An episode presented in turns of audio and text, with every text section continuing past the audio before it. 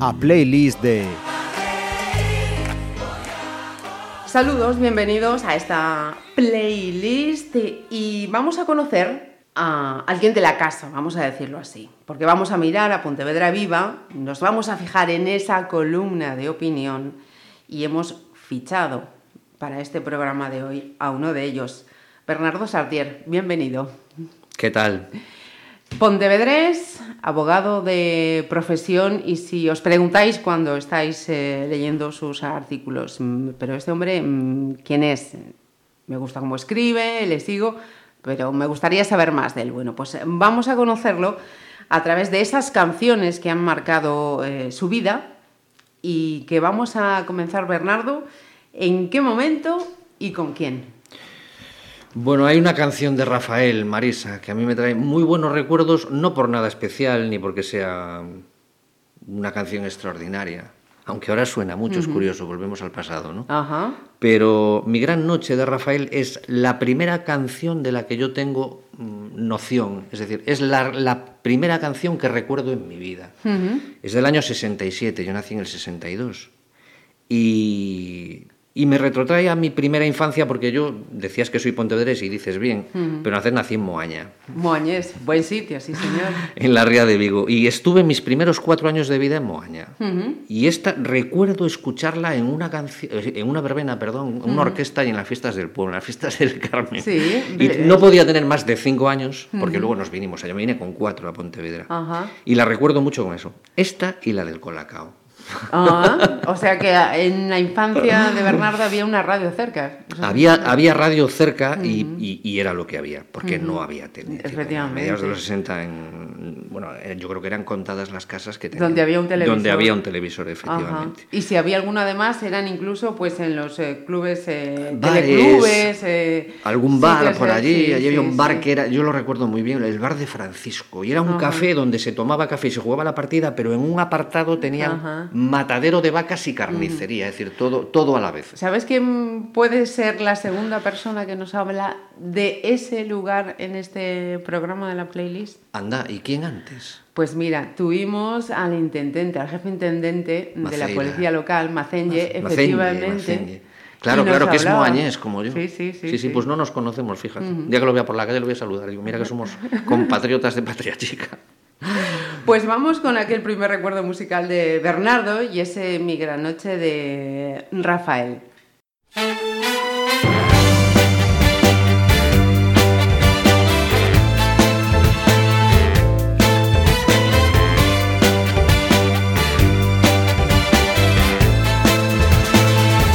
Hoy para mí es un día especial, hoy saldré por la noche podré vivir lo que el mundo nos da cuando el sol ya se esconde.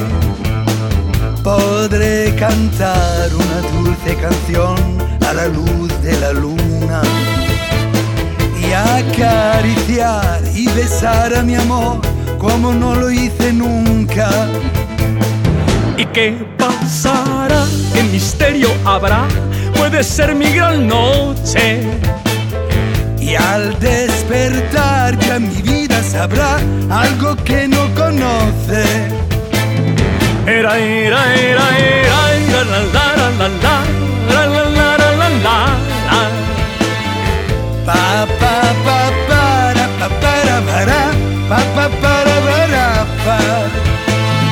Caminaré abrazando a mi amor por las calles sin rumbo Descubriré que el amor es mejor cuando todo está oscuro. Y sin hablar nuestros pasos se irán a buscar otra puerta que se abrirá como mi corazón cuando tú te me acercas. ¿Y qué pasará? ¿Qué misterio habrá? Puede ser mi gran noche y al despertar ya mi vida sabrá algo que no conoce. Pa pa para pa para para para pa.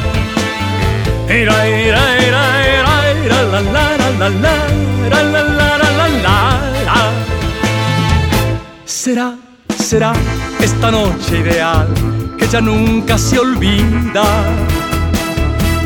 Podré reír y cantar y bailar disfrutando la vida.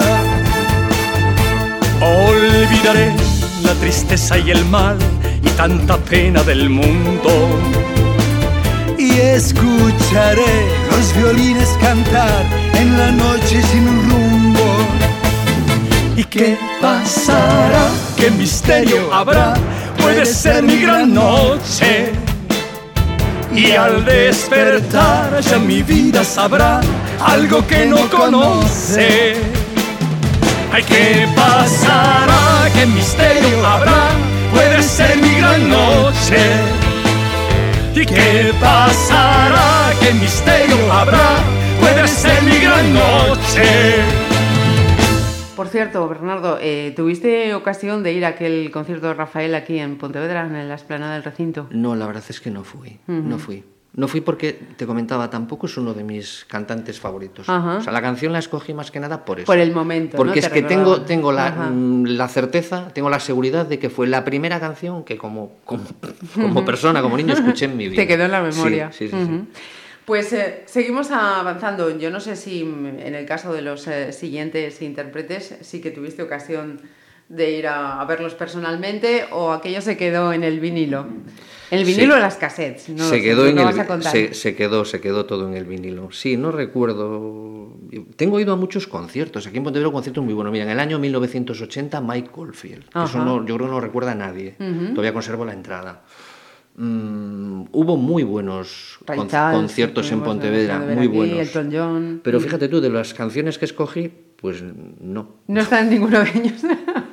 ninguno se dejó caer por Pontevedra la verdad Bueno, pues cuéntanos, esta segunda selección que nos has hecho también es eh, producto nacional, vamos a llamarlo así. Los módulos. Los módulos. Y un mítico tema, ¿no? Un mítico tema, triste, pero muy melódico, muy bonito, y que a mí me trae los recuerdos del colegio. Del colegio. Del colegio. El colegio de don Manolo, de don Manolo Márquez, nosotros llamamos don Manolo, claro. Era, era otra manera por aquel entonces de entender la disciplina, el respeto, la jerarquía. Yo no sé si mejor o peor que ahora, pero diferente, ¿no? No dio malos resultados, yo creo que fue bastante fructífero, o sea que a lo mejor tendríamos que buscar un punto intermedio entre lo que son hoy las relaciones entre peques y profes en el cole Y lo que y era. lo que era entonces, ¿no? Y me recuerda el colegio, un colegio, por cierto, que estaba allí en el barrio de Estrigueiras, en Campolongo, todavía no estaba la delegación de la Junta Ah. y estaba el cuartel de artillería. Sí, Pero sí. le llamo colegio por llamarle algo, porque era una casa de piedra Ajá. con una planta baja donde no había división ninguna Sí, y allí podíamos estar bien 50 chavales, es decir, parvulitos sentados en un banquiño y luego primero, segundo, tercero, cuarto, quinto, sexto, sexto, hasta séptimo, me parece. Ya en pupitres, lo que nosotros llamamos los mayores, ¿no? Sí. Y un solo baño para 40. Es decir, a veces lo pienso y digo, ¿y cómo hacíamos? Pues, Pues, hacía- ahí estábamos, Hacíamos, claro. ¿no? Y luego ya en el año 70, mm, con la ley de Villar Palasí, mm, subí al colegio de Salcedo, al grupo escolar de Salcedo. Y te voy a contar una anécdota muy, muy curiosa. Más a él, yo creo que a él le va a hacer gracia también. Porque ahí coincidí con Tino Fernández. Ajá, el actual eh, concejal. la Sí, sí, sí, sí, el líder del aquí en Pontevedra. Ajá. Y éramos, bueno, mm, decían las profes que éramos de los que mejor leíamos, ¿no? Siempre nos elegían o para leer o para obras de teatro y tal. Sí, sí. Y allí conocí yo a Tino, que por cierto luego en octavo le perdí totalmente la pista, hasta que ya mayorciños coincidimos en el barrio, somos casi, casi vecinos. Vecinos. Pues mira tú. Sí. Y, y este todo tiene su fin. ¿En qué momento del, del cole sonaba, Bernardo? Justo cuando subimos, eh, cuando dejamos la escuela de, de Manolo Márquez y subimos a Salcedo, recuerdo ir andando hasta el grupo escolar con mi madre, mi padre, un amiguillo mío y la madre de él, y por estas cosas que le habría escuchado en la radio algo, yo iba tarareándola hasta Salcedo y luego bajé, ¿no? Entonces me retrotrae, pero vamos, absolutamente a la infancia. Ajá. Pero no, entonces no, tampoco tiene ese mm, regustillo tristón de la canción, ¿no? Era una canción no, que no. cantaba un niño como sí, podía sí, haber sí, que me gustaba mucho. que- exa-. Exactamente, pero que me gustaba mucho porque era una canción, es una canción muy melódica, ¿no? que es una canción de amor al fin y al cabo. Sí, sí. Pero, pero o sí que- desamor. o de desamor, vete tú a saber, ciertamente. Pero que que me retrotrae, ya te digo, a la infancia, porque tengo que decirte además que mi infancia fue una infancia deliciosa. Entre otras cosas porque yo era el pequeño. Y- Bueno. Y, los pequeños siempre son los más protegidos. Los pequeños tienen un montón de parapetos. Yo creo que a los hermanos mayores habría que hacerles siempre un homenaje. ¿Por gracias. qué? Ah, porque tú eres la mayor, Marisa, no sabía. Pero a los hermanos mayores hay que hacer un homenaje, ¿por qué? Porque son el ensayo de los padres, son la Ah, primera experiencia. El conejillo de Indias, ¿cierto? Exacto. Y se equivocan, o nos equivocamos los padres, ¿no? un montón con los hijos mayores. Luego el segundo, la segunda ya es menos importancia, lo dejas un poquito más a monte. ¿eh? Y el rapaz tiene la referencia siempre de su hermano mayor y bueno, tiene derecho a equivocarse, está súper protegido, es el chichi de la casa. Entonces, claro, yo recuerdo mi infancia. Por otro lado, te diré que yo como el personaje de Gunter Grass, ¿te acuerdas? El del tambor de hojalata, que era un chaval que no quería eh, vi- mm, crecer, Crecer. y que con su chillido rompía cosas cuando se ponía de mala uva y los adultos le tocaban las narices, empezaba a gritar y a, a porrear el tambor y rompía cosas, cristales, estanterías, ventanas. Pasa un poquito lo mismo que al niño del tambor de hojalata de Gunter Grass, ¿no? Que me revelaba a crecer. El mundo de los adultos no me No me gustaba gustaba. un carajo. Y si te soy sincero, tampoco.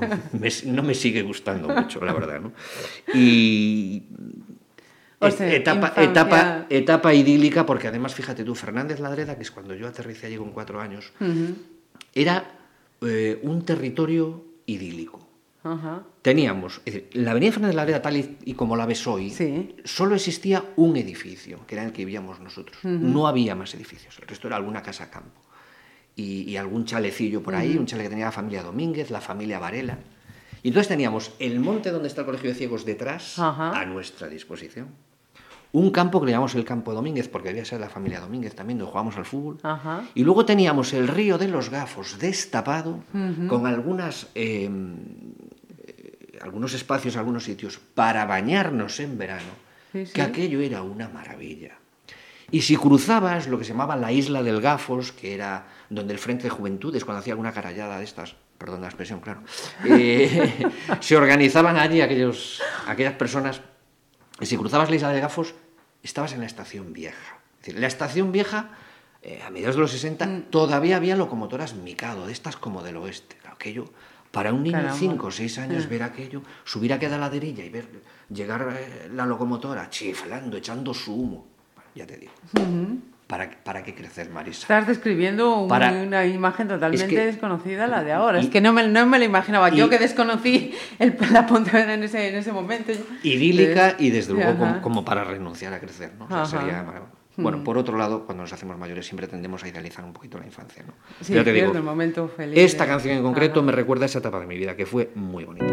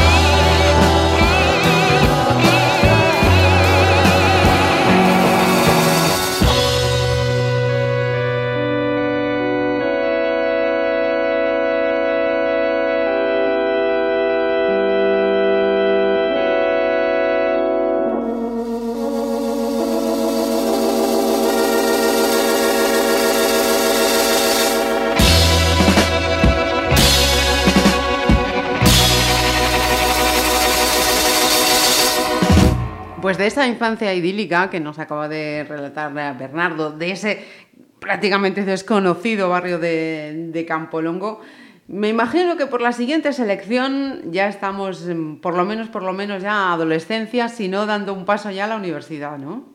Sí, esta canción es una canción que yo la escuchaba en inglés, Marisa, no sabía que era una canción de amor, que estaba dedicada a una chica, pero fíjate tú, sin entender el inglés, solo con la melodía, esta es una Ya canción te- que me retrotrae al primer amor, pero al primer amor platónico, bobo, infantil, al amor pensado, idealizado. Yo voy andando y entonces me la cruzo y nos damos un besillo y tal, una cosa. una Que cosa te lo cruzabas y ya te parecía, hoy es el una día cosa, y mejor". recuerdo que la rapaza, mira, tengo la oportunidad de decírselo después de tantos años. Pues ¿no? venga. Se llamaba Lila, era de Salcedo. Es que ¿Se estaba llamaba? Lila. Lila, Sí, qué bonito. sí, Dolores, me llamaban Lila, ¿no? Ajá. A lo mejor me mata. Pues Yo no sé si está por aquí incluso. Bueno, mira. Bueno, en fin, que nada, que, que- que yo estaba enamoradísimo de él. No, cuando escuchaba esta canción, lo único que hacía era pensar en ella. Ya te digo, era un amor idealizado, absolutamente platónico. Porque claro, es que no tenía ni idea de nada. Ni tenía un referente sexual, ni sabía nada de nada. Pero ponía esta canción y me parecía una canción deliciosa, deliciosa. Me retrotrae, ya te digo, al primer amor. Sí, sí, sí. Muy Y- bonita. ¿Y esta canción de los Rolling Stones cómo, cómo llegó? Porque tus hermanos escuchaban a los Rollins, por escuchar la radio. Eso tiene relación con una canción de Elvis que está más adelante. Ajá. Ah, y que vale, es pues no, lo un- reservamos. Un primo que se viene de Venezuela, Ajá. que en Venezuela trabajaba en la Siemens, él era electrónico, y en una época en la que aquí era muy difícil encontrarse un tocadiscos, ¿eh? Claro, claro. Pues él se vino con un tocadiscos de Venezuela. ¿no? Y se trajo también una colección de, de vinilos, entre los que estaba una especie de, de compendio de éxitos de los Rolling Stone, que además era hexagonal. Ajá, O sea, no recuerdo, era un cuadrado. sí, sí, y era sí, un disco un precioso. Hoy sería Ajá. un objeto de coleccionista. Sí, sí, sí, sí, sí. Sabe Dios dónde irá. Pero objeto de coleccionista. Y allí estaba esta canción, Ajá. que, era un, que es una preciosidad de canción. ¿no? Pero Pues ya te venga, vamos a escuchar a ese She's a Rainbow de los Rolling Stones y se la dedicamos a Lila. Correcto. venga.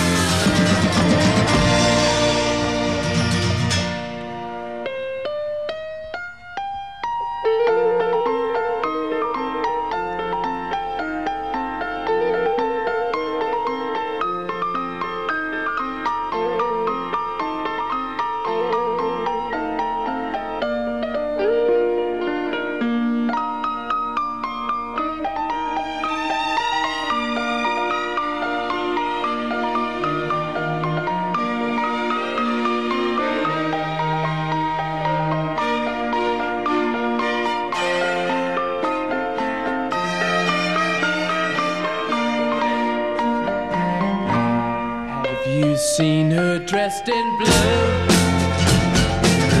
See the sky in front of you. And her face is like a sail, speck of white, so fair and pale. Have you seen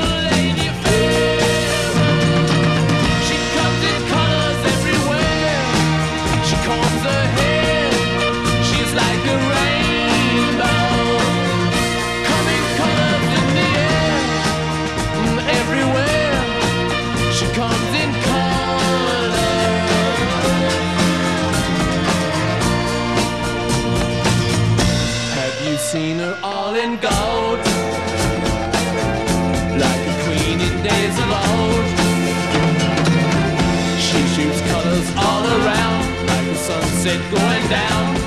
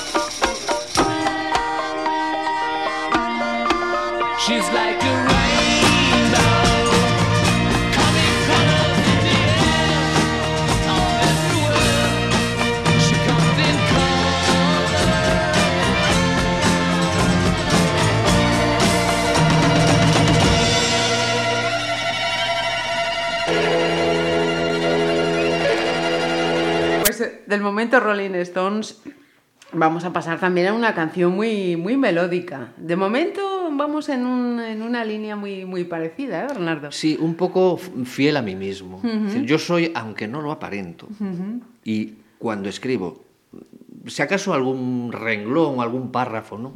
Más o menos poético, pero en general soy bastante cañero. Ajá, sí, sí. Pero, pero, pero el fondo no es ese. El fondo no es ese. Pero también eh, me imagino que puede ser facetas, ¿no? Cañero a la hora de escribir, melódico, pausado, en gustos musicales. Yo creo que es lo que te eh, decía al principio. ah. En el fondo uno sigue conservando aquello que fue o sigue conservando aquello que le gustaba. Entonces, seguramente hay un Bernardo que todavía se resiste a crecer y que se hace una coraza y que entonces necesita dar leches a diestro y siniestro, pero que en el fondo es una persona sumamente sensible. Una persona muy vulnerable a la que es muy fácil hacerle daño, esa es la verdad. No debería yo contar esto aquí. Un psicólogo dice que eso es un mecanismo de defensa, ¿eh? Correcto, completo. ¿Sabes que es una de las carreras que yo quería estudiar? Mira, ya somos dos. Yo estaba ahí, el periodismo, la psicología, y al final pudo el periodismo. En tu caso pasa- fueron... Sí, sí, la psicología, pero claro, mm, en fin, Pudo ser. pudo ser, pudo ser, pudo ser.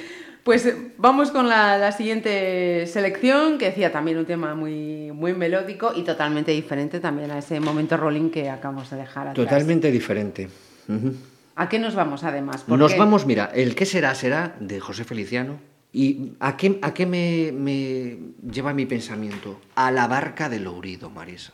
A la barca del Que Ourido. supongo que tú no la conociste. La barca de Lourido, vamos a ver, en los 60 y a principios de los 70 Sí. había una forma de pobreza, que no era una pobreza en un sentido estricto, pero digamos que era una submodalidad de la pobreza, que era no tener coche. Sí. No tener coche no era un problema en primavera y en verano, perdón, en primavera y en invierno. Pero en verano sí podía constituir un problema, porque, Porque era Pontevedra cuando iba- no tenía playa. Ajá.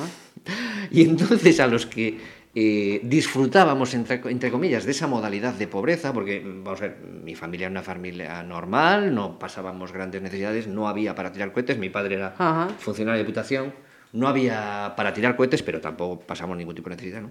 Pero no había coche. Ajá. Y entonces los coches también eran contados, hay que decirlo. Pero en el barrio los que tenían coches iban a la playa. Y los que no teníamos coche, teníamos un recurso, la barca de Lourido. Andábamos Fernández Ladreda, bajábamos Manuel del Palacio, Sí. y en el Peirao había una barca que no tenía cabina, ni tenía camarote, ni estaba cabinada, solo tenía un motor fuera borda, grande, y un timón. Ajá. Y allí se subían las familias con sus hijos y automáticamente hacías la travesía de la ría y te dejaban el muellecín aquel que hay allí en, enfrente al restaurante Sí, sí, Lourido. sí, sí, sí. Y era la forma que teníamos de ir a la playa los que no teníamos coche. La siguiente opción era el trole. Ajá. Claro, el trole a Marín eran tres cuartos de hora, cuando no se escarallaba, con perdón, por el camino, y entonces era una hora. y luego tenías que andar hasta Portocelo o hasta Mogor. Y yo recuerdo en la barca de Lourido alguien llevaba un radiocassette años 70 más o menos, y estaba sonando esta canción. El que Anda. será, el que será, será de, De José Feliciano. Siempre me, me lleva al Ourido, a la barca del Ourido, y ya te digo, a esa forma de pobreza, entre comillas, ¿no? que era el no disponer de coche y el tener que buscarse la vida de aquella manera. Que te digo una cosa, ¿eh? ¿Quién me diera que pusiera la barca de nuevo? ¿eh? Porque yo la cogía. Es que, claro, no, no, es que lo estaba pensando, digo, Te lo me, juro, está descubriendo, Marisa. me está descubriendo aquí unas cosas de hace unos juro, años que, vamos para atrás. Puedes ¿verdad? imaginártelo, ahora mismo el vientiño mareiro, la brisa, Ajá. hacia tal, sientas tu sombrilla, tu sillita Sí, playa sí, ahí a sí, tomarla. Bueno, si no tuviese un el espectáculo que tenemos delante, que no es muy El allá, más- muy allá, pero bueno. Bueno, sí. pues, eh, vamos a coger la barquita con José Correcto. Feliciano.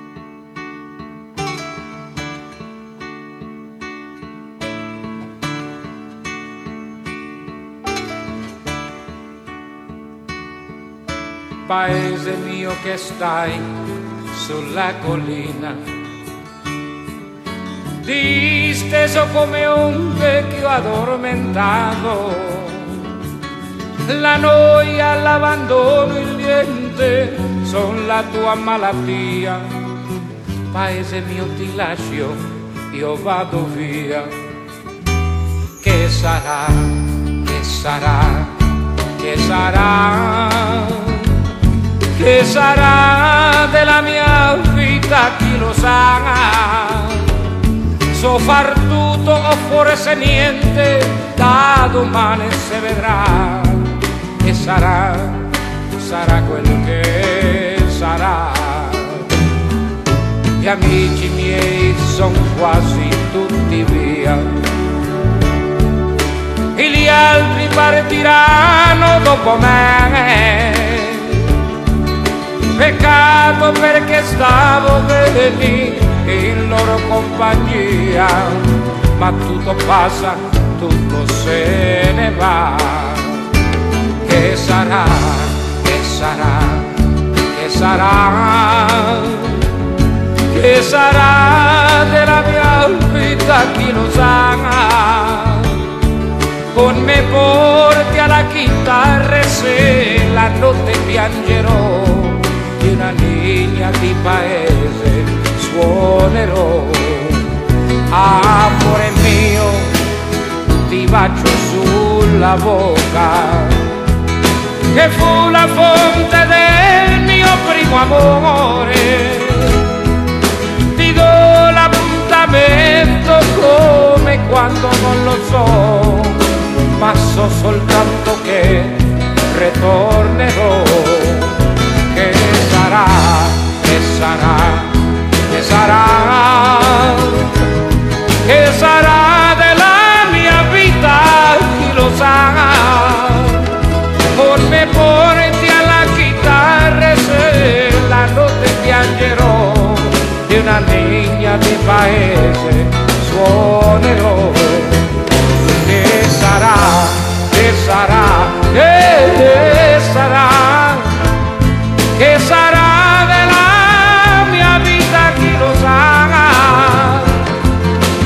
porti alla chitarra e se la notte piangerò. Di una legna di paese suonerò. Che sarà, che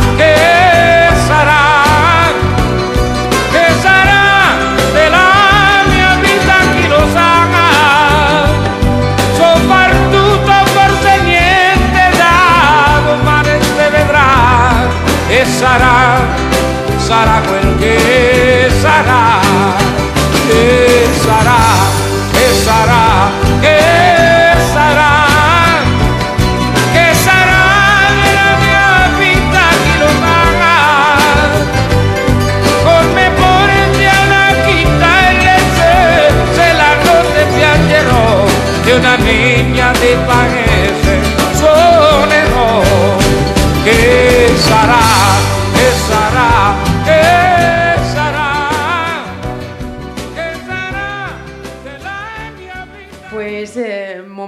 estival, en esa barca está Lourido. Y volvemos a salir, nos vamos ahora nada más y nada menos que con Cat Stevens. ¿Y en qué lugar y por qué, Bernardo? La, mm, el salto de la adolescencia a la juventud, ¿no? Y aquí sí que ya empieza el amor en serio. Esta parece una canción de amor, pero no es una canción de amor, es un diálogo entre padre y un hijo. Sí. El, el hijo que ha crecido y le dice, me voy a marchar, ya estoy hasta lo típico, ¿no? Y el padre que intenta convencerlo, quédate, hijo mío, mira, yo tengo lo que tengo, a tu madre, a ti, porque las cosas van viniendo poco a poco. El chaval, mira, macho, yo soy joven, lo que yo interpreto, ¿no? Tengo derecho a equivocarme, quiero marcharme de casa y eso. Ahí está, Father and Son. Sí, quiero, sí. quiero marcharme. ¿no? Entonces, esto es, es una canción que yo empecé a escuchar sobre los 17, 18 años en un momento, Marisa, delicadísimo Ajá. en nuestras vidas, porque nosotros entramos en adolescencia, juventud, en plena eclosión de la droga en Pontevedra. Fue tremendo. Si uno puede calcular el círculo de sus amistades en 25 o 30 personas, ¿no? más o menos cercanas, amigos íntimos, amigos menos íntimos, Sí, sí. yo te podría decir ahora, si me esfuerzo un poquito, 25 chavalotes de mi, de mi generación que se quedaron por el camino con el tema de la droga. Porque es que la droga estaba en todos los lados. En la discoteca.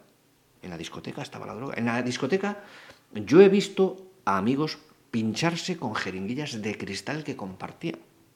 Uf. Rapaces absolutamente normales, pero que luego, claro, fueron degenerando en su forma de vivir. ¿no?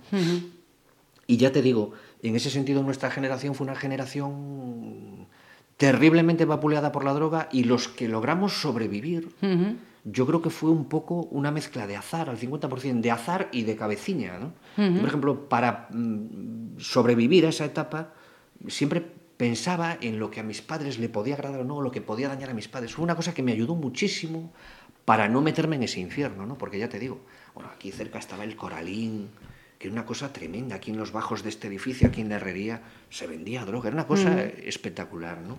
Y el Father and Son de Cat Stevens me recuerda a eso, me recuerda a las primeras pandillas, los primeros besos, las primeras chicas. Y, y ya te digo, pareciendo una canción de amor, no es una canción de amor, ¿no? Es la rebeldía del hijo frente al padre. Los hijos siempre queremos mucho a nuestros padres, nuestros padres nos aman, pero en el fondo siempre hay algún momento en el que decimos, hombre, yo cómo podría quererte cuando a lo mejor en este momento concreto lo que me apetece es romperte el corazón, porque esas cosas pasan, ¿no? Entre padres e hijos.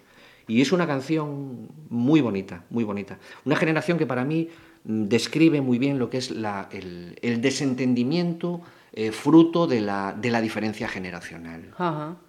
Sí, porque todavía es una generación ¿no? en que esa, digamos que complicidad entre padre e hijo no, no existía, no estaba muy marcada todavía. Mm, Un poco Esa- jerarquizado, aunque yo tengo que decirte, Marisa, que yo tuve un padre que era un cielo. Sí. Un cielo. sí, sí. Mi padre era un. Bueno, en una época en la que se estilaba mucho, ¿cómo decirlo? La coerción física, el, no el maltrato, sino el pegar. Era un poco que iba en la dinámica de la, de la crianza De la de, los hijos. sí, es decir, sí, sí. Aquello que, que Paqueño, nuestro amigo Paqueño, pues imbuía en, en el espíritu de los docentes, la letra con sangre entra. Y esto de que Sí, es sí. una mejor una hostia a tiempo, que es una absoluta falacia, ¿no? Y fuimos un poco criados en esa cultura.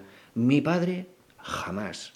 Jamás de los jamás. Es decir, yo he visto a padres de amigos venir con el cinturón, sacárselo y, Y, sí. y darle con el cinturón a su hijo, que era una cosa que Sí, a mí me aterraba, me ponía malo, me hacía llorar. Pero mi padre jamás nos tocó un pelo de la ropa. En ese sentido era un, un hombre extraordinario. O sea, no es porque fuera mi padre, pero un hombre extraordinario. Y además con una circunstancia muy peculiar, que es que él se habría criado en un hospicio. Anda. En un hospicio franquista de posguerra, donde no solo las leches estaban al orden del día, sino el maltrato. ¿no? Él me contó alguna cosa, yo alguna cosa escribí sobre eso, ¿no? pero sin dar muchos detalles porque él tampoco lo, lo quería. ¿no? Pero él me tiene que contar alguna cosa de los hospicios de posguerra, los hospicios de posguerra, que eran la repera. ¿no? Y eh, fíjate tú qué cosa tan curiosa, habiendo sido él un niño que se crió en un hospicio, un hospicio de posguerra donde sufrió malos tratos, jamás en la vida, nunca, quizá por oposición o por reacción a eso que había A esa visto. situación. Porque quizá consideraba que era mejor herramienta educativa hacer lo que no habían hecho con él. Me gusta Rompe, mucho estar rompe- haciéndole este homenaje rompe a mi muchos padre aquí. esquemas, ¿eh? Esa forma, esa completamente. forma de... Sí, sí, yo creo que incluso lo escribí en algún momento. Decía, la mejor manera de que me respetes y hagas todo lo bueno es que yo ni te maltrate, ni te violente, ni, ni veas en mí a alguien que te da motivos para odiarte, porque si te da motivos para quererlo, evidentemente tú no le vas a fallar. En ese sentido, mi padre era un crack. Y te decía que me gusta mucho estar haciéndole aquí este pequeño homenaje. ¿no? Pues me alegro, me alegro, Bernardo. Y vamos a darle este momento también con Cat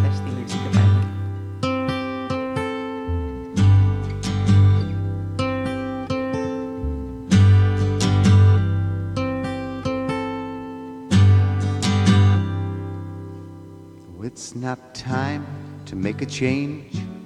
Just relax, take it easy. You're still young, that's your fault. There's so much you have to know. Find a girl, settle down. If you want, you can marry. Look at me. I am old, but I'm happy. I was once like you are now. And I know that it's not easy to be calm when you found something going on. But take your time, think a lot. Why think of everything you've got? For you will still be here tomorrow, but your dreams may not.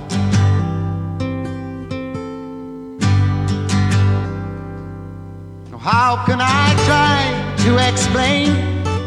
Cause when I do, he turns away again. It's always been the same, same old story. From the moment I could talk, I was ordered to listen. Now there's a way, and I know that I have to go away. I know I have to go.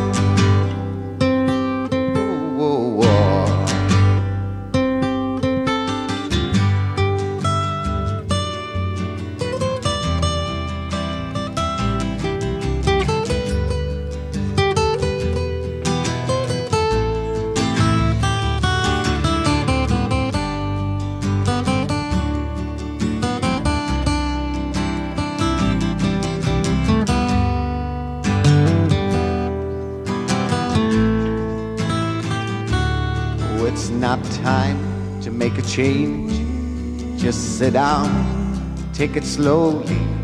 You're still young, that's your fault.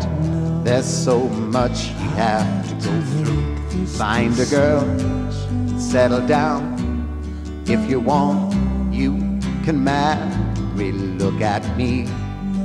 I am old, but I'm happy. All the times that I've cried, keeping all inside. It's hard, but it's harder to ignore it. If they were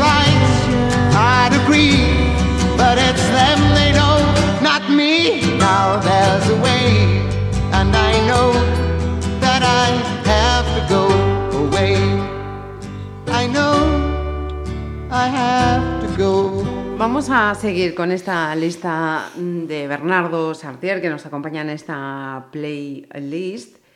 Y yo tengo que reconocer eh, que aquí Ber- Bernardo vino con los deberes hechos. Cuando yo le llamé para decirle, oye Bernardo, mira que queremos hacer una playlist contigo, necesitamos esta... Con antelación me pasó debidamente su lista, yo fui sacando las canciones y tengo que reconocer que fue en ese momento, ayer precisamente, cuando mm, supe de los corgis. No los conocía, tengo que decirlo. Me declaro culpable. Cuéntanos entonces eh, a qué momento se vincula y, y por qué los corgis. Amor nuevamente. Amor. Pero más cosas. Los Corgis son un grupo británico y vienen a tocar a España el 23F. Anda. Tenían un concierto programado el día del grupo de Tejero. Y entonces ven en la tele, en el hotel, el asalto al Congreso. Y claro, cogen un avión y se piran echando leches. Pues dicen, pero ¿y esto? Claro, imagínate unos ingleses que llevan viviendo en democracia no sé cuántos años, que en el 81 todavía nos veían desde el norte de Europa con un cierto recelo, y que venga un tío con una pistola y un gorro de guardia civil, que pobre benemérita, que cuántas cosas buenas ha hecho en este país, pero que también tiene la referencia de ser, pues eso, un cuerpo militar y tal. Y entonces los corgis van a barajas, no sé cómo hacen, pero esa misma noche se piran y ni concierto ni les digo, pues ¿dónde estamos? ¿no?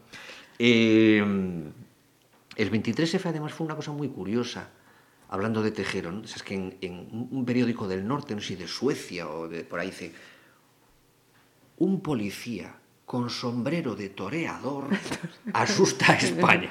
Titular. O sea, fuimos un poco el hazmerrir de, de Europa y, y del mundo también, si quieres, ¿no? Y encima, pues eso, eh, muy castizo, ¿no? El, el golpe. Luego Milán parándose con los tanques en los El- semáforos. Un golpista que respeta los semáforos, pero ¿dónde se ha visto, no? Bueno, pues... La el- realidad supera la ficción eh, siempre. Completamente. Y esta canción de The Corgis me recuerda a todo aquello. Y me recuerda, Marisa, Ajá. la verdad es que me estoy vaciando, ¿eh? Me alegro me re- que sentáis tan a gusto y... Muy a gusto, Marisa, pero mira, me recuerda sobre todo cuando entro en la mili. Tú imagínate, te, habla- te hablaba de la droga.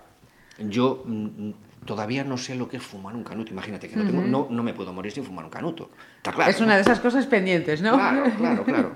Bueno, un día también dije, yo también debería tener algún día una experiencia homosexual y por poco me corren a leche de la, de la tertulia, te lo juro.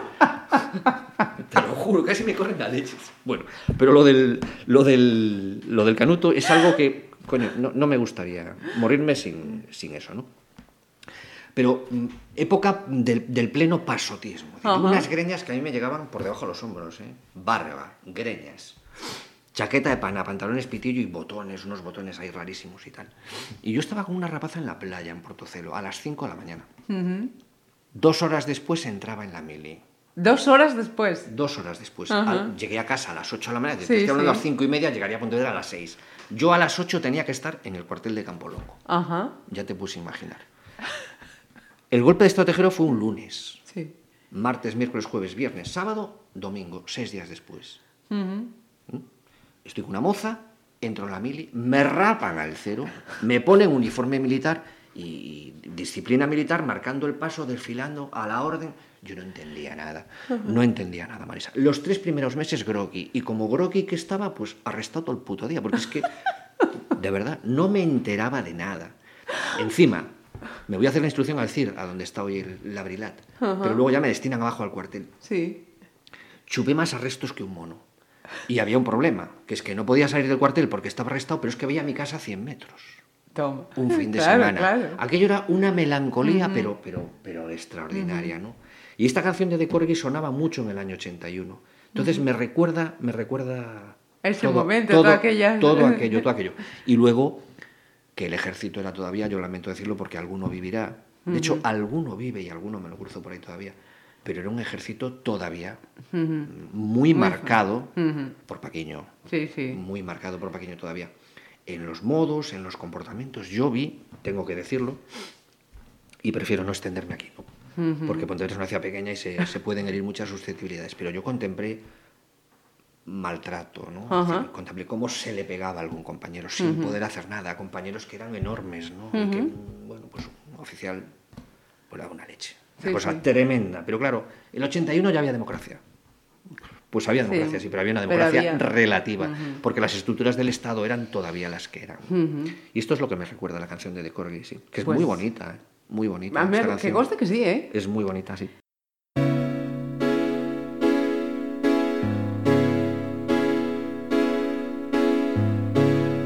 Change your heart. Look around you.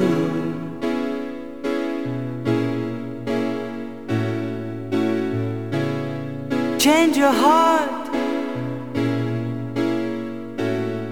It will astound you.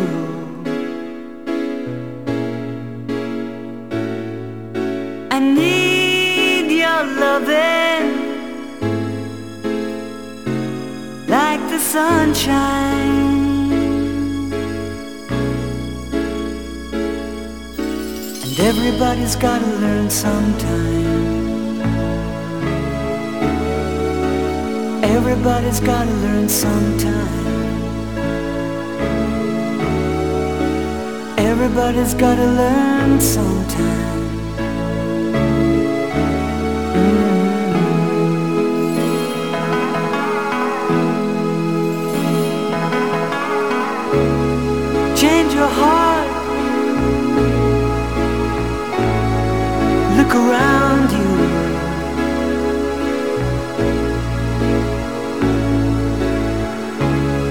change your heart.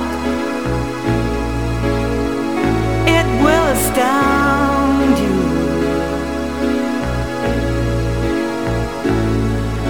I need your loving, mm, like the sunshine.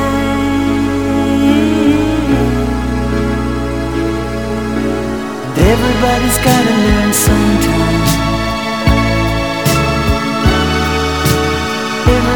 Gotta learn sometime. Everybody's gotta learn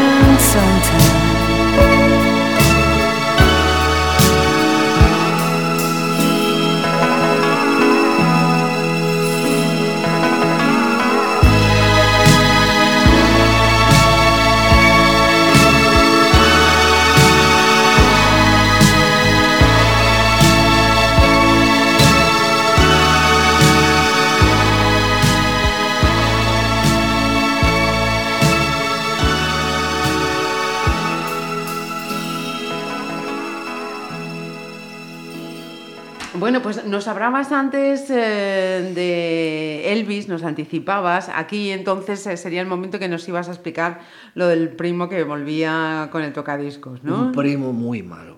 Muy malo. Malísimo. Caraya, un primo que te traiga eh, estas... Un primo perverso, de una maldad refinada, elaboradísima. ¿eh? Él tenía el tocadiscos. El tocadiscos era de él. Viene Y no lo tocaba ni Dios. Viene a, hacer la, viene a hacer la mili aquí y tal. Y bueno, casa de mis padres, con mi hermano y conmigo. Y teóricamente lo dejaba a nuestra disposición. Cuando él Ajá. se iba, nosotros, imagínate, un tocadiscos y tal. Y era tan sofisticado, tan perverso que poníamos el bracito en el disco y, y el brazo hacía y se iba porque le había quitado la aguja. sí, sí, sí. Y alguna vez que se olvidó de, de quitar la aguja y podíamos poner, pues, o iba esta que te comentaba de los Rollins, o iba el Suspicious de, de, de Elvis, que es una canción preciosa, porque era cabroncete. Pero, tiene Pero un tenía un gusto, gusto musical. musical. Es decir, imagínate, incluso el peor de los seres humanos puede tener algo de aprovechable.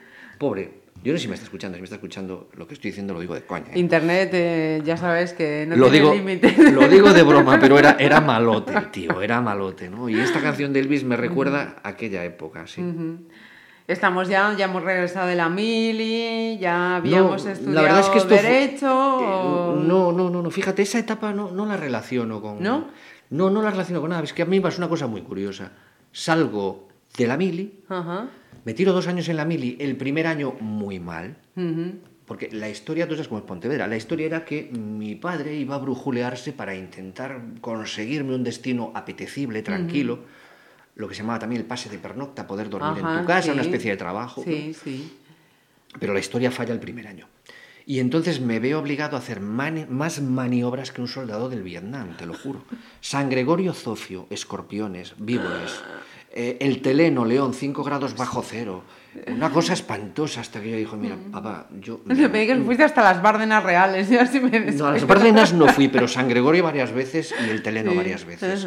Eh, comiendo hormigas, es decir, el, el platito eh, donde te emplataban la comida y tal, se subían las hormigas, ya te daba igual, porque había que meter y terminar rápido. Lo pasé muy mal el primer año. Luego, sí, por, por, por un azar, eh, conseguí un destino más burocrático, más administrativo, y fue un, un segundo año de mili más... un Más poquito- llevadero. Un poquito más plácido. Pero lo que te comentaba, desde que salí de la mili, estuve dos años, eh, digo, joder, lo que he currado yo aquí, Mm. para nada. Con que haga la mitad de lo que he hecho en la mili, estudiando, yo creo que Mm. Voy- voy, voy a llegar a algo. y efectivamente, entonces, bueno, llega un momento que he contado en alguna columna, que es cuando mi padre va a hablar con Mariano Rajoy para que trate de ayudarme económicamente y que yo pueda ir a estudiar a Santiago. Y Mariano, bueno, ya sabes, sí, pero no, yo qué quiere que le diga y tal. Y entonces mi padre viene y me mira, majo, la UNED, Busca. la UNED en Pontevedra, bueno, Santiago, se me complicó un poco y tal, hablé con el presidente, no es posible, ¿no? Y entonces en la UNED muy feliz, ¿no? Chollando mucho porque en la UNED te obligaban a estudiártelo todo, Ajá. es decir, eran tres meses de estudiar, parciales, y y tenías un tocho. Ibas una vez a la semana a un orientador que, bueno, bien. Más o Tengo un gran sí. recuerdo de Teresa Casal, que fue tutora mía. Ajá. Sí, sí, sí. Yo estoy muy orgulloso de Teresa Casal y yo creo que Teresa Casal está muy orgullosa de mí, ¿no? Porque fui su alumno. Sí. Y la tuve de tutora en la UNED. Guardo un También gran- ha pasado por la playlist. Mira ¿eh? qué bien, hombre. Y gran- gran- guardo un gran recuerdo de, de Teresa Casal. Pero, Mili, universidad, trabajo, y ya no me enteré de nada. Ya casi no soy capaz de relacionarlo, un poquito más adelante sí, pero casi no soy capaz de relacionarlo con, con nada, con, o sea, con ninguna canción en, especial. porque mi vida profesional también fue muy, muy liosa. Es decir, llevo 30 años en la Diputación. eh, esos, de esos 30, 15 compatibilizados con la profesión privada. Ajá. Pero al mismo tiempo estuve 20 años en los planes de formación de funcionarios por toda la provincia, con personal de la propia Diputación y tal. O sea que llevo trabajados unos 45 años, más lo de dar clases, que fue otra historia, incluso en academia y tal. Y de repente he aterrizado en los 50, ¿sabes? Y a veces ya hasta te cuesta esa etapa profesional, que es una manera estupenda de desaprovechar la vida, porque, no sé, y, y no soy capaz de vincularla tampoco con ninguna canción así específicamente. Ujú. Bueno, pues de momento nos quedamos con ese primo cabroncete Un que no nos dejaba sí, escuchar sí. siempre que. Y con que un gran queríais. gusto musical, esto hay que decirlo. pues venga. We're caught in a trap.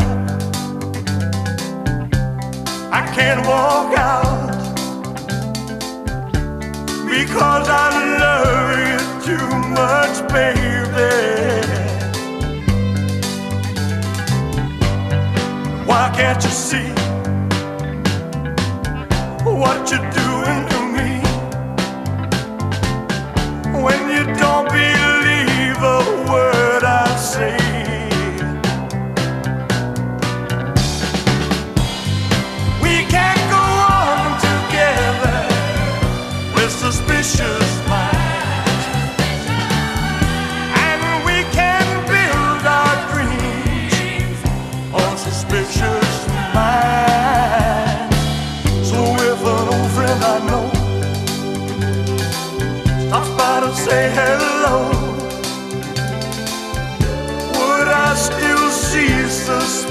turning your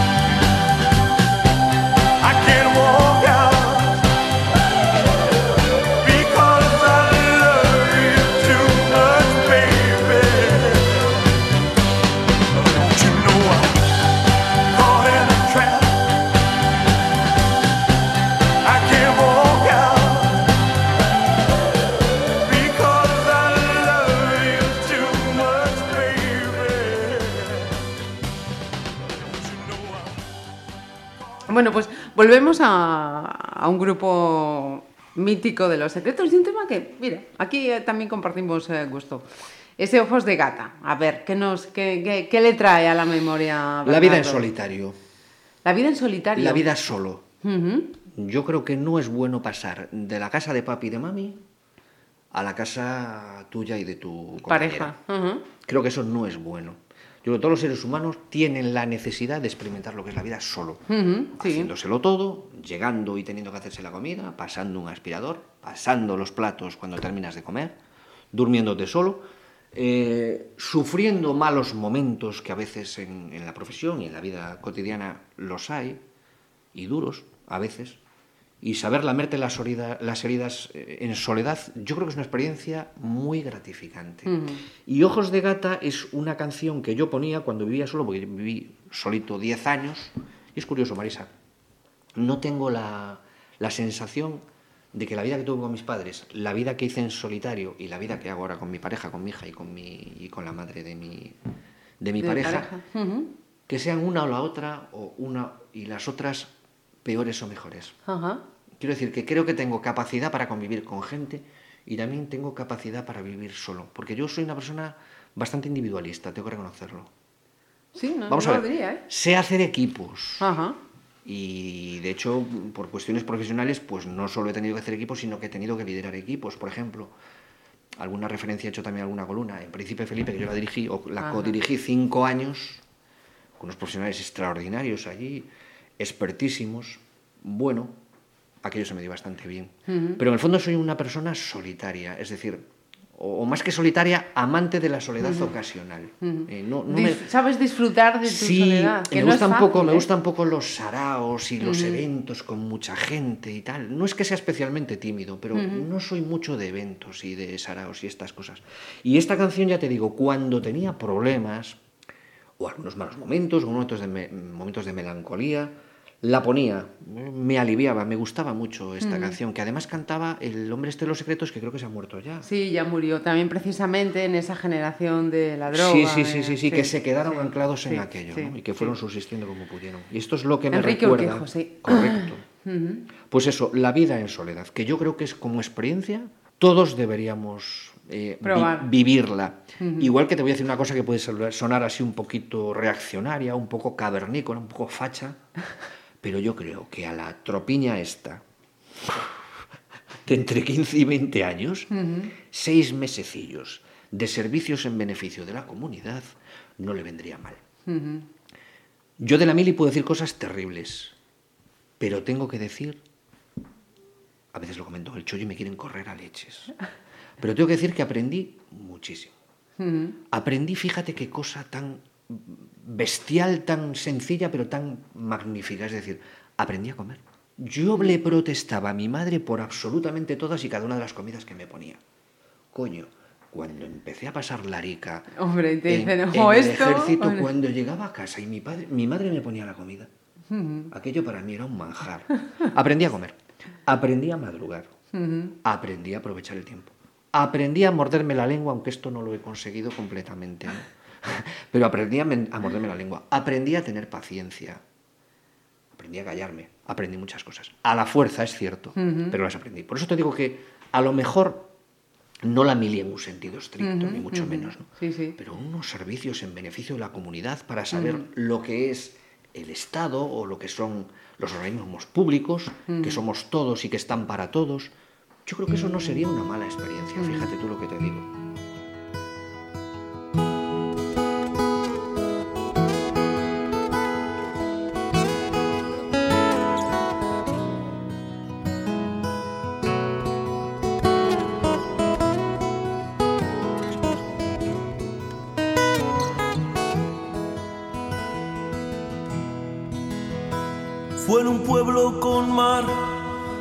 Noche después de un concierto.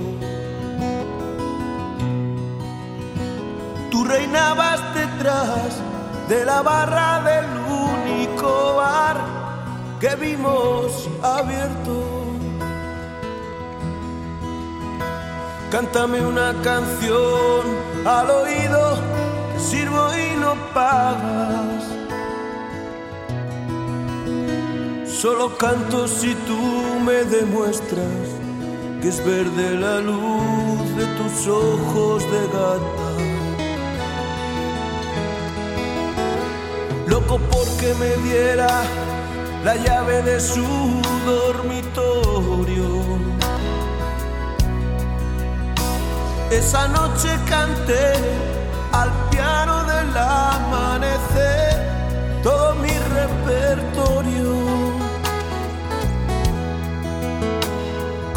Quiero beber, el alcohol me acuno entre sus mantas. Y soñé con sus ojos de gata, pero no recordé que de mí algo esperaba.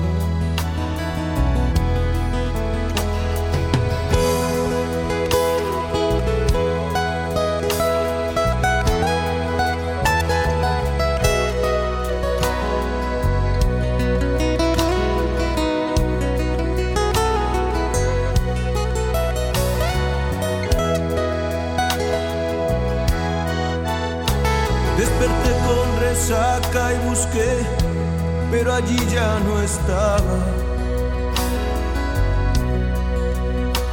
Me dijeron que se mosqueó porque me emborraché y la usé como almohada. Comentó por ahí que yo era un chaval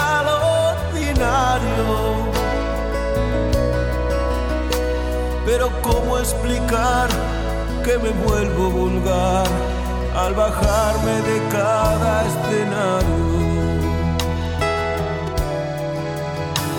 Pero ¿cómo explicar que me vuelvo vulgar al bajarme de cada escenario?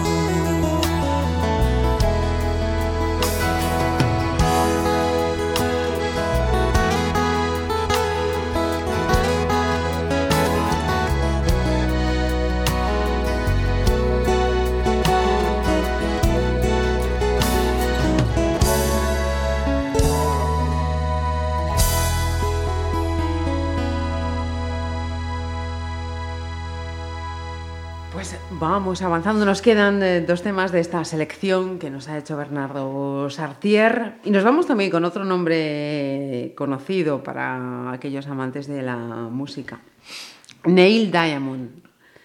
Que, ¿Por qué lo traemos en Lo, este lo- momento? lo conocí por el primo de Marras. O también por el Vale, primo. Sí, pero esto, esto me lo compré hace un par de años ahí en, en un- unos grandes almacenes. Yo interpreto, o sea, vinculo Glory Road esta canción que es muy bonita, un poco con la paz de la madurez, con el equilibrio, Sí. con lo conseguido y con una reflexión que es la siguiente. Jue, ojo con lo que sueñas, porque a lo mejor lo consigues. Y ahí me pasa un poco esto. Porque a mí lo que hago profesionalmente, que tengo que decir que lo hago con la mayor de la responsabilidad posible, Ajá. con más o con menos acierto, pero con la mayor de la responsabilidad. Mm. Hombre, yo tengo que decir, me vas a permitir un inciso. Sí, claro. yo, yo acudí a una rueda de prensa con el entonces presidente de la Diputación y me parece que no fue una, que fue, que fue más de una, Sí, es posible, felicitándote por tu trabajo. Bueno. Con lo cual, mm, Hay que decir que era muy generoso a ese nivel, ¿no? En- con los elogios, tengo que reconocerlo. Pero me lo tomo con la mayor de las responsabilidades. A las 7 y 20, 7 y media yo estoy en mi despacho. Dos o tres días como en la Diputación. Me lo tomo muy en serio, pero me gusta muy poco. Te estoy confesando un que no es fácil, Te ¿eh? estoy confesando un secreto. Me gusta nada. Dicen, hay gente que dice que lo hago relativamente bien, ¿no? Y uno pues ya va consiguiendo un pequeño prestigio en, en determinadas materias, quiero decir, contencioso administrativo, por ejemplo, pero no me gusta nada. Yo tengo que decir, no que odie mi profesión, Ajá. pero si pudiese volver atrás, desde luego estoy convencido de que no la Que esto no escogería y desde luego no se la aconsejaría jamás a mi hija. Eso lo, lo tengo muy claro, ¿no? Por eso te decía que uno al- después de, de 45 o 30 años de trabajo ha conseguido cuatro o cinco cosas que le mantienen en una relativa paz, eh, en un relativo equilibrio económico, social, pero hay que tener mucho cuidado con lo que se sueña. Imagínate, yo de mayor ahora utilizo el columnismo como una especie de espita, como una especie de válvula Ajá. de escape. Sí. Y es algo en lo que me siento muy cómodo. Ujú. Yo escribí mi primera columna, fíjate, en el año 81. el asesinato del capitán Martín Barrios. ¿no? Ajá. Eh, se titulaba la columna Para que no resucite jamás el terrorismo. Y era una cosa así inflamadísima y tal. Hoy me da una vergüenza terrible leer aquello, ¿no? Pero fíjate, en el diario lo habían puesto en, en- en- la primera la- página, sí, porque sí. fue la manifestación, estaba Rajoy encabezando la manifestación en el año 81, y, y- y descubro con 49, 48 años que lo que me gusta es lo que me gustó siempre, escribir. Escribir. Y entonces digo, coño, si yo hubiera empezado a escribir, que empecé a escribir muy jovencito, ¿no? típico del instituto y tal, si yo me hubiera dedicado solo a lo que me gusta, que es leer y escribir, pues a lo mejor yo tenía una carrera literaria. Esto es muy pretencioso, es mucho decir, ¿no? Pero a veces lo No, pienso. pero lo que decíamos también antes A veces de lo pienso, conversación, ¿no? ¿sabes? ¿Quién sabe lo que hubiera sido? Sí. Claro, Mm. pero bueno, fui por aquí, entre otras cosas, porque fue mi padre el que me aconsejó. Yo creo que a mi padre, el muy cabrito, a él le gustaba el mundo del derecho. Sí. Y de alguna manera quiso prolongar en mí lo que él no había podido hacer. Entonces, en ese momento de dudas de qué elegir, me dijo, mira, tú tienes una cierta facilidad de palabra. No tienes problema para estudiar porque te pasar estudiando horas. Y te gusta escribir, tú tienes que ser letrado. Digo, coño, letrado, qué bien suena. Suena. Suena maravilla. Y abogado, qué bien suena. Entonces, bueno, te vas un poco más por la estética de las palabras Mm. que por lo que de verdad crees o, o crees saber que te va a gustar. Sí, Yo- pero en realidad también eso pasa con el, yo creo que el 90% de, de las carreras universitarias Eso me todavía, consuela. todavía en este país. ¿no? Me Una cosa es Marisa. la idea y la teoría y lo que crees que va a ser esa profesión y luego al final es lo que encuentras y lo que haces. Tú sabes que yo tengo, hay una, una actividad profesional mía de la que me siento muy orgulloso, que además es muy fructífera, que es, eh, tenemos firmados un par de convenios con el Colegio de Abogados y con la Universidad de Santiago de Compostela. Y nos mandan mucha gente joven a hacer prácticas, ¿no? Conmigo. Van- vienen conmigo al juzgado, los traigo, les cuento, tal. Y siempre les digo el primer día, ¿tenéis claro lo que queréis ser? ¿Tenéis claro que no queréis dedicaros a la cría del centollo en cautividad? O, no sé, a, la albañilería. O, ¿Lo tenéis claro? Sí, entonces venga, adelante. Pero ya os advierto, esta es una profesión muy jodida. Esto de despertarse de noche para hacer un poco de pis y no volver a dormirte a las 5 de la mañana, porque te ronda, te viene un asunto, empiezas a darle vueltas a un plazo. Es una cosa extraordinariamente esclava. Y yo siempre se lo, se lo comento a los chavales. ¿no? Pero claro, ellos creen que tienen esa vocación. Y yo creo, hoy, en plena madurez, creo que un rapaz de 18 o 20 años no, No está... está. en condiciones de decir lo que le gusta.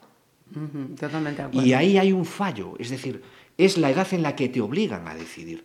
Pero yo creo que no estamos, no lo estaba yo ni lo están ahora, porque yo creo que ahora los rapaces incluso maduran un poquito más tarde, ¿no? Eh, Es, es a donde iba yo, incluso si si nos vamos a nuestras generaciones, que quizá teníamos eso, cierta madurez más, ¿no? Que los chavales de ahora a esa edad ahora todavía les resulta mucho más, mucho más Y a complicado. veces, pues puede haber errores, errores entre comillas, porque yo hay una parte en la que me encuentro muy satisfecho de mi profesión, ¿no? Pero otra que es terrible, ¿no? Terrible. Y, y el Glory Road, eh, pues me recuerda un poco esto. Fíjate, hace, hace un par de años, después de muchos años de trabajo, y en algunas cosas, claro, en varias cosas, eh, me pude comprar una pequeña casita en Meaño, y entonces pues vamos allí de vez en cuando, ¿no? Ajá. la casa está en pleno monte, mira al monte también y es, es un gran relax. Eso sí me compensa mucho. Por cierto, tengo que contarte una anécdota. El día que estrenamos la casa, bueno, pues vamos a dar una vuelta a San Senso. El día que estrenamos la casa, el primer día que dormimos sí, ahí. sí. Y al mediodía vamos a dar una vuelta a San Senso y luego volvemos a comer. A mi suegra le pica una abeja. Aquí, bueno, primeros auxilios, volvemos a casa. Le meto un trayazo al coche, pero del copón. Y luego, cuando voy a comer, hago un mal gesto y cuando me está poniendo el plato, mi compañera me mete un platazo en la cabeza. Bueno, tengo un, un gratísimo recuerdo Del de primer cuando día. estrené la casa de mi año. Que ya te digo, fue para mí un poco la culminación de decir, bueno, estoy en pleno equilibrio, en plena madurez, pero Aquí día- terminó ya el... el- día de la inauguración es, resulta inolvidable, porque lo que le estoy contando es absolutamente cierto. Están ellas para que se lo preguntes un día si tienes la más Bueno, mínima piensa, duda. piensa que todo se concentró O sea, en un día. aguijón. Ya se acabó todo. 300 euros de chapa y platazo en toda la frente. O sea, cojonudo, Marisa, ¿verdad? Una inauguración por todo lo alto. Uh, ¡Qué gran recuerdo! Sí, sí. Pues vamos con el Diamond.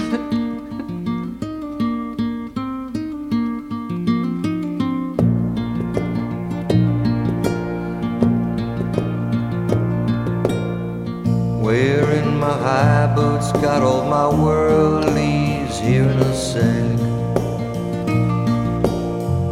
Looking for something, knowing that it where I'm at. Ain't looking back, I'm coming. Right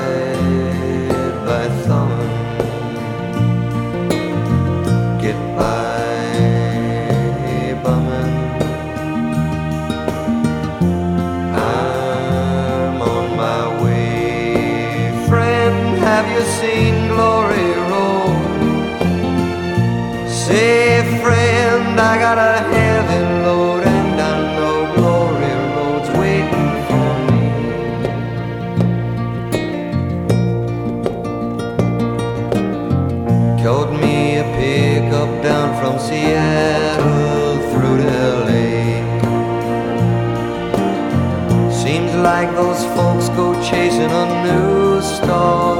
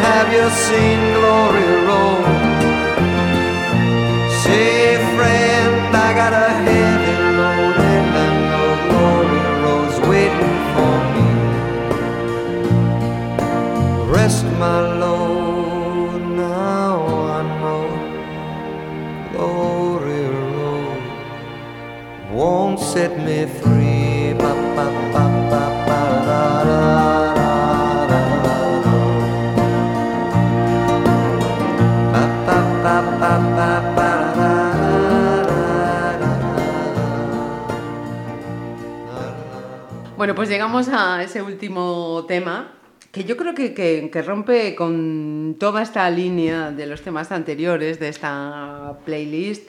Nos ha elegido un tema de, de música clásica con algún detalle más que yo tampoco, mm, tampoco sabía. Así que que sea Bernardo quien nos explique el tema, por qué y si os suena el motivo por el que os puede sonar también este tema que luego escuchamos. El canon creo que es en re mayor o en re menor, no me acuerdo, de Pachelbel, es, creo que es música barroca y es la banda sonora de Volver a empezar de García. Ajá. Eh, Volver a empezar de García fue una película cuando la estrenaron, que la estrenaron en Oviedo, denostadísima. Pero claro, luego le dieron el Oscar. El Oscar.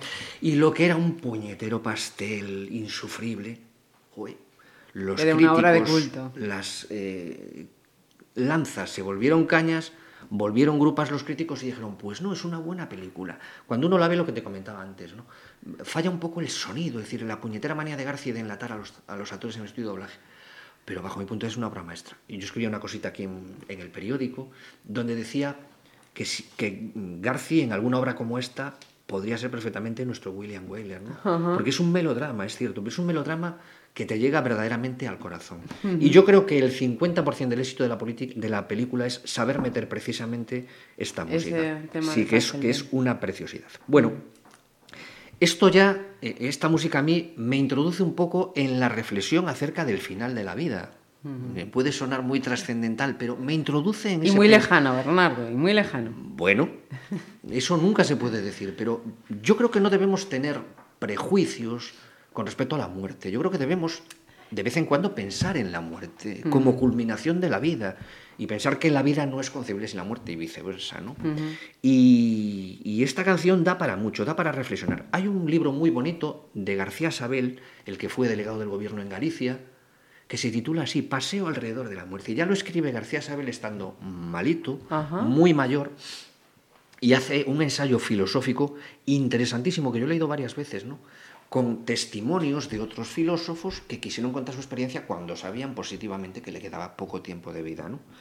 Y, y esta canción tiene un punto sentimental, tiene un punto de nostalgia, esa escena que, que antes comentábamos cuando Ferrandis le cuenta, saque el sobre del interior de la chaqueta y se lo da, bueno, pues lo abre y puede suponer que es un cáncer incurable, hígado, páncreas, vete tú a saberlo. Y el otro, que es médico, se queda mirando y está sonando esa música y dice, bueno, pues el afrontar la muerte con entereza, ¿no? El saber que la muerte es algo que de modo indudable es algo inescrutable, no hay duda, todos vamos a pasar por ella, que sea cuanto más, más eh, tarde posible. En mi vida hay algo muy importante, porque yo siempre le he dado vueltas a esto y es el nacimiento de mi hija. A mí mi hija, el nacimiento de mi hija, en cierto modo me, entendó, me, me ayudó a entender un poquito mejor la muerte. ¿Sí? claro, claro, porque son ellos los que sin querer te están empujando.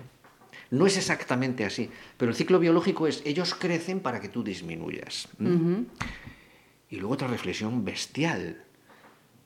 Por eso yo jamás me atrevo a reprochar desde el punto de vista moral que quien no tiene hijos eh, es una decisión tan correcta como no tenerlos desde el punto de vista moral. Entre otras cosas porque nunca hemos pensado que cuando damos vida estamos dando muerte.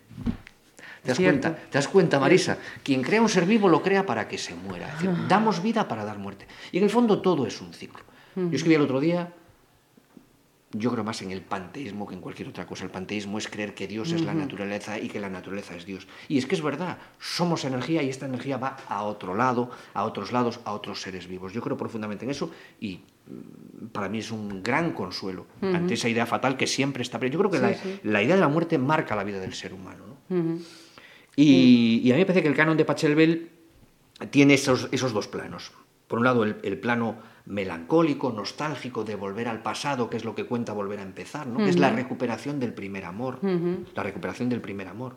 Y, y puede tener también ese componente de hacerte pensar acerca de, de la muerte. Pues eh, no, no me imaginaba yo que, que iba a ir por estos derroteros al final de esta playlist. Me ha sorprendido muchísimo, ha sido muy grato, de verdad, Bernardo, de verdad. Me voy a anotar ese libro de García Sabel Si no, yo te lo presto, Marisa. y de verdad seguimos leyéndote en Pontevedra Viva. Muchísimas Y que ha gracias, sido de verdad un placer Un compartir placer este para tiempo. mí, me sentí comodísimo, como, como en el propio salón de mi casa, te lo digo de corazón. Muchas gracias, Marisa.